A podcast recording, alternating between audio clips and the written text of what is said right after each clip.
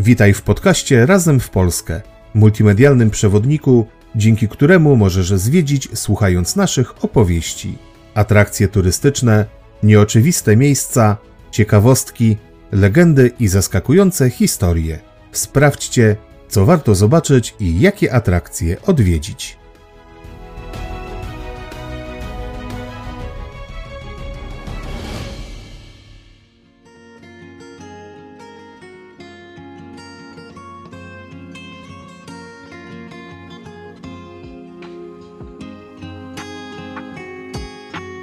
Jak dziś wygląda jeden z najbogatszych klasztorów w średniowiecznej Europie? Jak zakończyła się przeprowadzona ponad 700 lat temu trepanacja czaszki? Co stało się z ogromnym skarbem cystersów? Czego szukają nurkowie w dawnym kamieniołomie? I gdzie można złowić rekordowy okaz sandacza? Dowiecie się tego podczas wyprawy do krainy, która od wieków przyciągała polskich królów, a rozwijała się dzięki najbardziej przedsiębiorczemu zakonowi w historii Europy.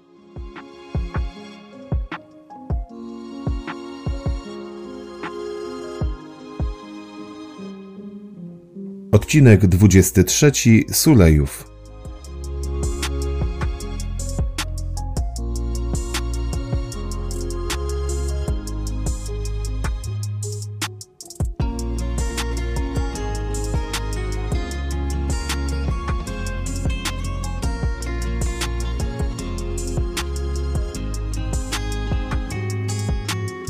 Piękne lasy, piaszczyste brzegi jeziora, i historia jednego z najbogatszych zakonów Europy. To największe walory położonego w województwie łódzkim malowniczego Sulejowa. Podczas swej prawie 900-letniej historii miasto było świadkiem wielu ważnych wydarzeń, które odcisnęły swoje piętno w historii zarówno jego, jak i Polski. Sprawdźcie z nami, jakie atrakcje warto zobaczyć w Sulejowie.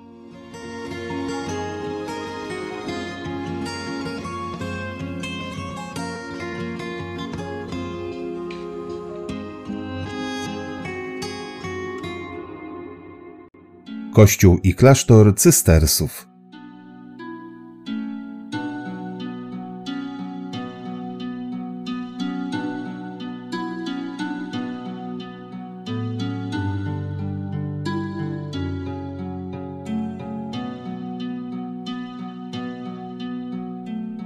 Zespół klasztorny w Sulejowie to niezwykle klimatyczne miejsce z jednym z najlepiej zachowanych do dziś obiektów cysterskich w Europie. Jego powstanie legenda wiąże z polowaniem, na jakie wybrał się w porastające te tereny puszcze syn Bolesława Krzywoustego Kazimierz Sprawiedliwy. Gdy książę podczas gonitwy za jeleniem odłączył się od swojej drużyny i zgubił, nad lasem rozszalała się potężna burza. Wśród odgłosów piorunów dało się słyszeć głos z nieba.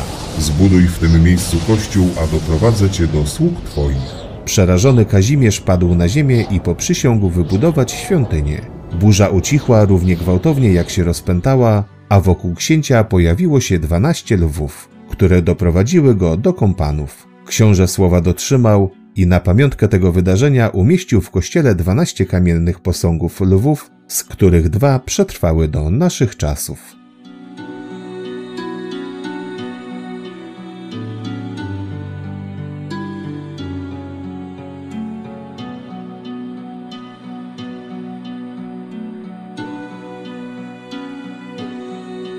Według historyków tereny w okolicach Sulejowa podarował cystersom w 1176 roku Kazimierz Sprawiedliwy, wówczas książę Sandomierski. Ówczesna wieś leżąca na szlaku handlowym łączącym północ i zachód Europy z Rusią wydawała się idealnym miejscem, mogącym w przyszłości przynosić klasztorowi niemałe dochody. Inicjatywę wsparli także finansowo biskup krakowski i arcybiskup gnieźnieński oraz część tutejszej szlachty i rycerstwa, ofiarowując na utrzymanie okoliczne wsie i przysiłki. W 1177 roku osiedlają się tu pierwsi zakonnicy sprowadzeni z opactwa Marimont w Burgundii. Oparty na surowej regule benedyktyńskiej zakon cysterski należał do najbogatszych w Europie, a dzięki licznym przywilejom królewskim i darowiznom oraz wzorowo prowadzonej działalności gospodarczej i biznesowej wydawał się być idealnym kandydatem do udźwignięcia trudu budowy zespołu klasztornego. Cystersi szybko pomnażali bogactwa,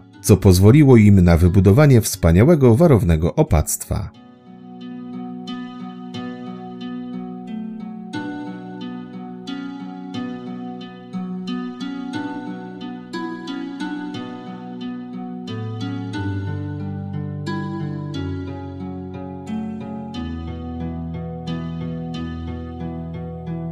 Pierwszy kościół zakonnicy wznieśli już w 1178 roku. W kolejnych latach, dzięki nadaniom i opiece książąt Leszka Białego, Konrada Mazowieckiego i Bolesława Wstydliwego, następuje dalszy szybki rozwój klasztoru, a cystersi wznoszą w początkach XIII wieku nowy kościół pod wezwaniem Najświętszej Marii Panny i świętego Tomasza Kantauryjskiego. Jego konsekracji dokonał w 1232 roku arcybiskup gnieźnieński Pełka. Jeszcze w tym samym stuleciu rozpoczynają się prace nad budową głównego gmachu klasztornego. Częściowo ukończono skrzydło wschodnie, w którym znajdowały się pokoje opata, dormitorium i archiwum. Nie przetrwało ono jednak zbyt długo, bo już w 1259 roku zostało zniszczone podczas najazdu tatarskiego. Pomni tej nauki zakonnicy już w XIV wieku rozpoczynają budowę nowego założenia klasztornego, tym razem dobrze ufortyfikowanego.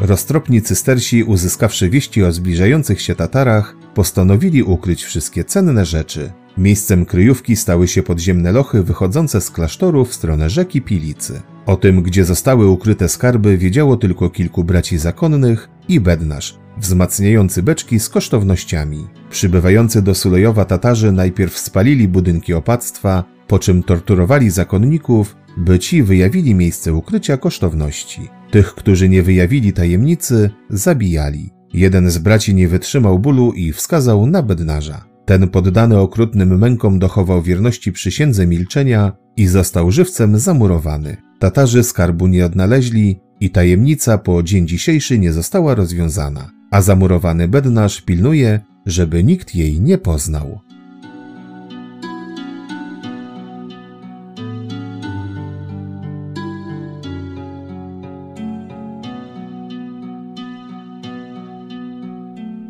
Dynamiczny rozwój klasztoru, w którego posiadaniu było wówczas około 50 wsi, 45 dziesięcin i kilka kościołów, zatrzymał się na chwilę w połowie XIII wieku w wyniku konfliktu z Norbertynami z pobliskiego Witowa, wywołanego przez spory o dziesięciny. Cystersi zostali zmuszeni do dochodzenia swoich praw przed sądami książęcymi. Brak wiarygodnych świadectw prawnych wymusił na sulejowskich mnichach dokonanie licznych fałszerstw dokumentów i nadań.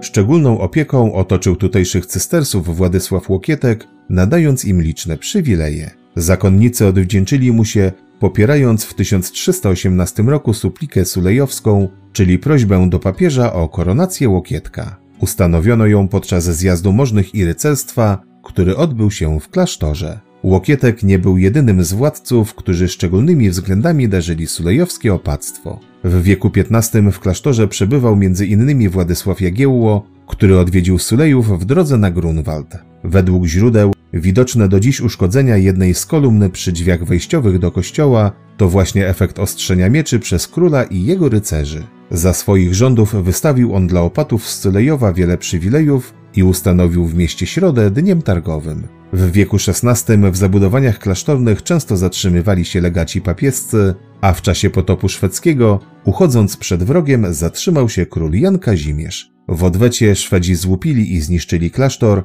a życie straciło wielu zakonników.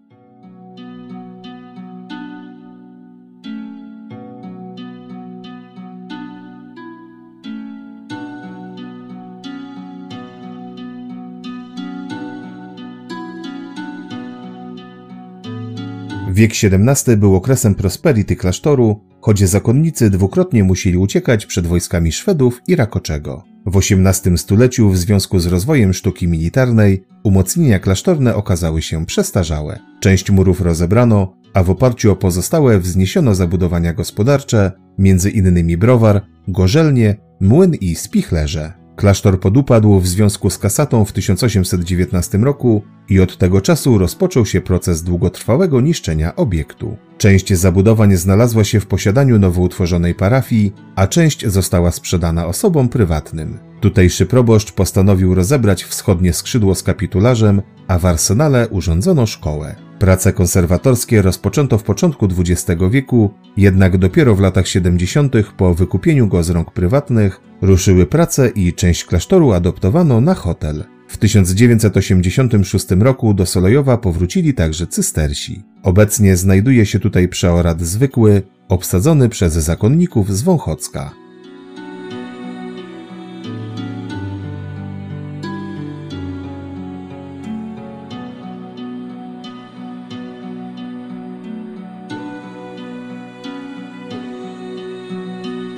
Największym zabytkiem zespołu klasztornego jest kościół, który zachował się niemal w pierwotnym kształcie z początku XIII wieku. Budowla jest orientowaną bazyliką trójnawową z transeptem i prostokątnym prezbiterium, wykonaną z ciosów kamienia uzupełnionych fragmentami cegłą. Pomimo kilku pożarów w swej prawie 800-letniej historii, zachował wszystkie cechy konstrukcyjne i dużą część oryginalnych detali architektonicznych. Wejście do kościoła prowadzi przez okazały romański portal z trzema kolumnami z każdej strony. Wnętrze kościoła jest połączeniem stylu romańskiego i gotyckiego, a wyposażenie pochodzi głównie z baroku i rokoka.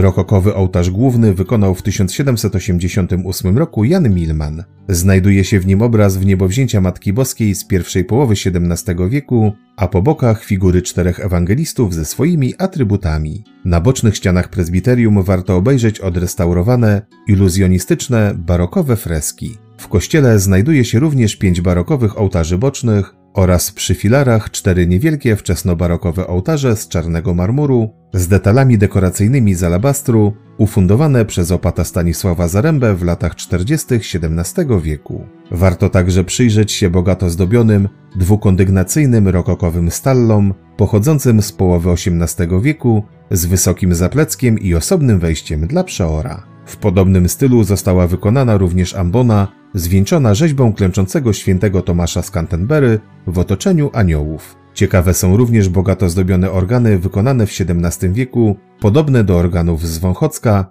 być może są dziełem tego samego organmistrza i snycerzy. Balustrada chóru prócz dekoracji snycerskiej jest ozdobiona malowidłami z krótkimi inskrypcjami.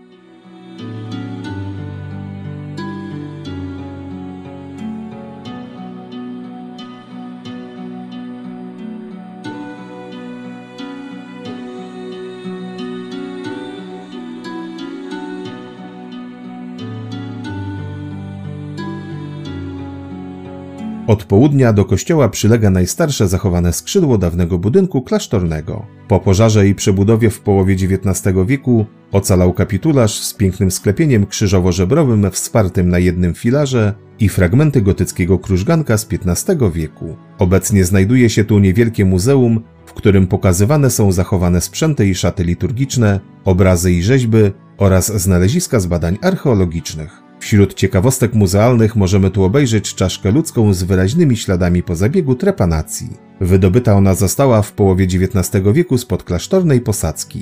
Zabiegu dokonano ponad 700 lat temu za pomocą wiertła, piłki stalowej i kleszczy. Niestety nie wiemy, czy śmierć właściciela spowodowana była tym właśnie zabiegiem.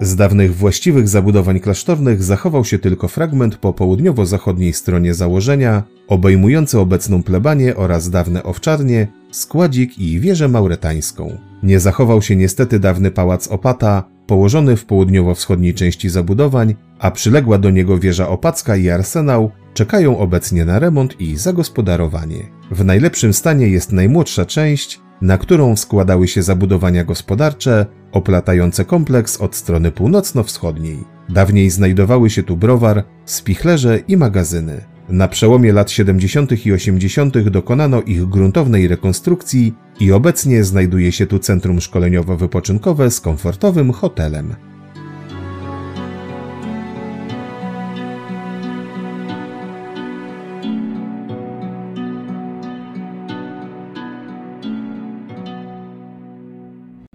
Kościół świętego Floriana.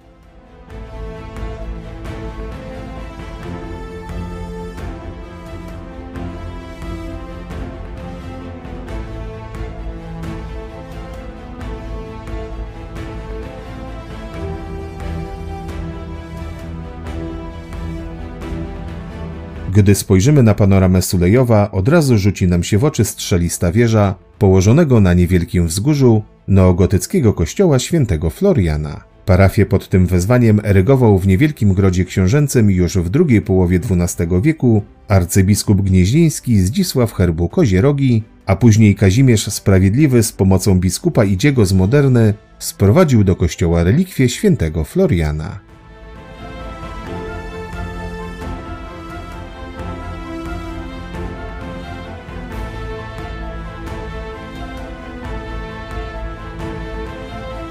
Drewniany kościół grodowy nie przetrwał zbyt długo i już w XVII wieku wybudowano w tym miejscu murowaną świątynię. Konsekrowano ją jednak dopiero wiek później. Dość szybko okazało się, że kościół jest zbyt mały na potrzeby parafii i postanowiono wybudować nową świątynię. Powstała ona w latach 1901-1903 z czerwonej cegły w stylu neogotyckim. Projektantem świątyni był Felix Nowicki, ten sam, który zaprojektował monumentalny budynek Piotrkowskiego Sądu, o którym opowiemy Wam już niedługo.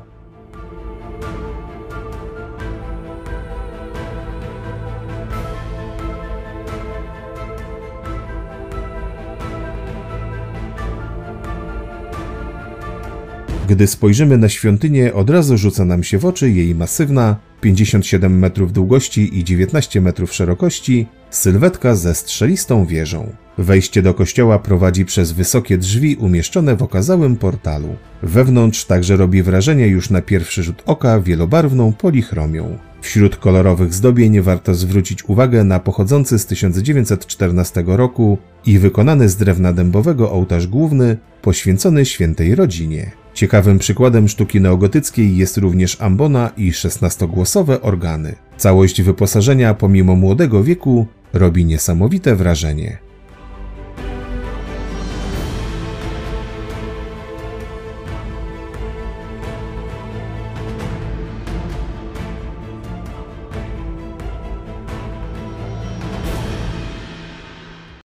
Wapienniki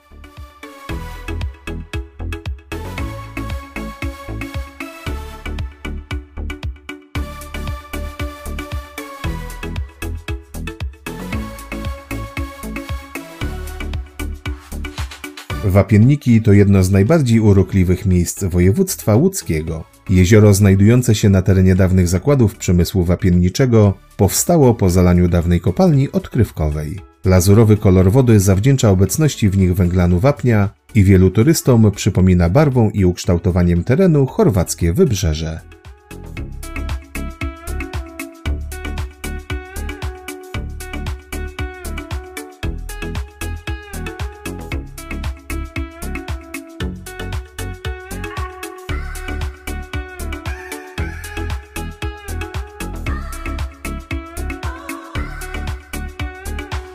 Sulejowska odkrywka kamienia wapiennego należała do trzech największych kamieniołomów w Polsce. Jej eksploatację rozpoczęto w XIX wieku. Początkowo wypalano tu wapno sposobem rzemieślniczym, wykorzystując prymitywne piece opalane węglem drzewnym, z czasem unowocześniając technologię. Transport wapna odbywał się poprzez spływy rzeką Pilicą do Wisły oraz koleją z pobliskiego Piotrkowa Trybunalskiego.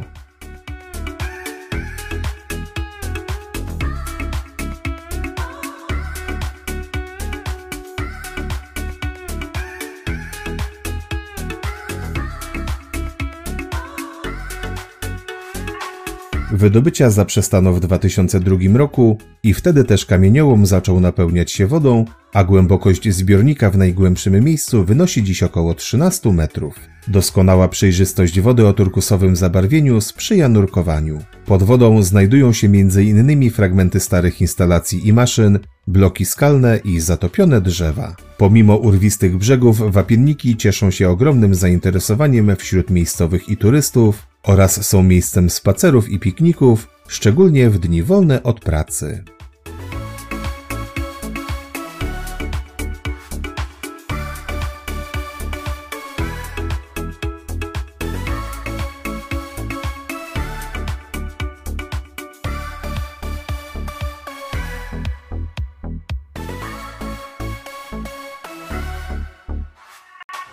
Zalew Sulejowski.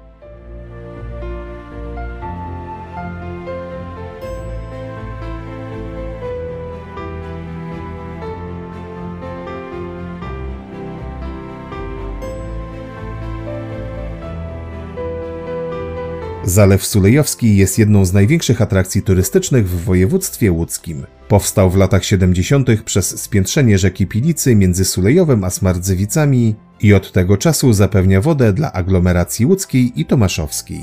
Oprócz rezerwuaru wody pełni on również funkcje rekreacyjne. Kilka wysp, liczne malownicze zatoki, rozlewiska i bindugi rozrzucone wśród piaszczystych, zalesionych brzegów stanowią pełne uroku miejsca, wśród których nawet najwybredniejsi mogą znaleźć oazę spokoju i wypoczynku.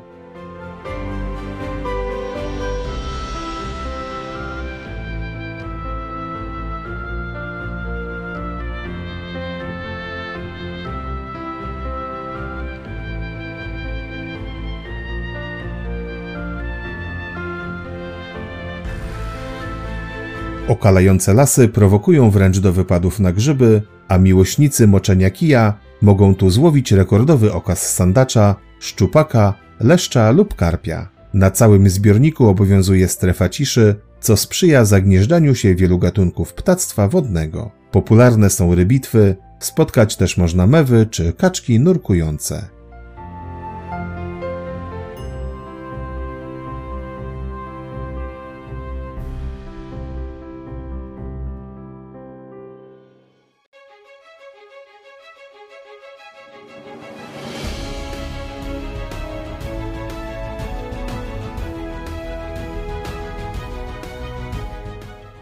To już koniec naszej dzisiejszej opowieści.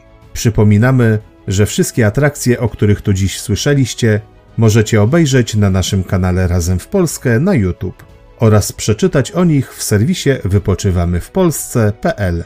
Zapraszamy na kolejne nasze podcasty.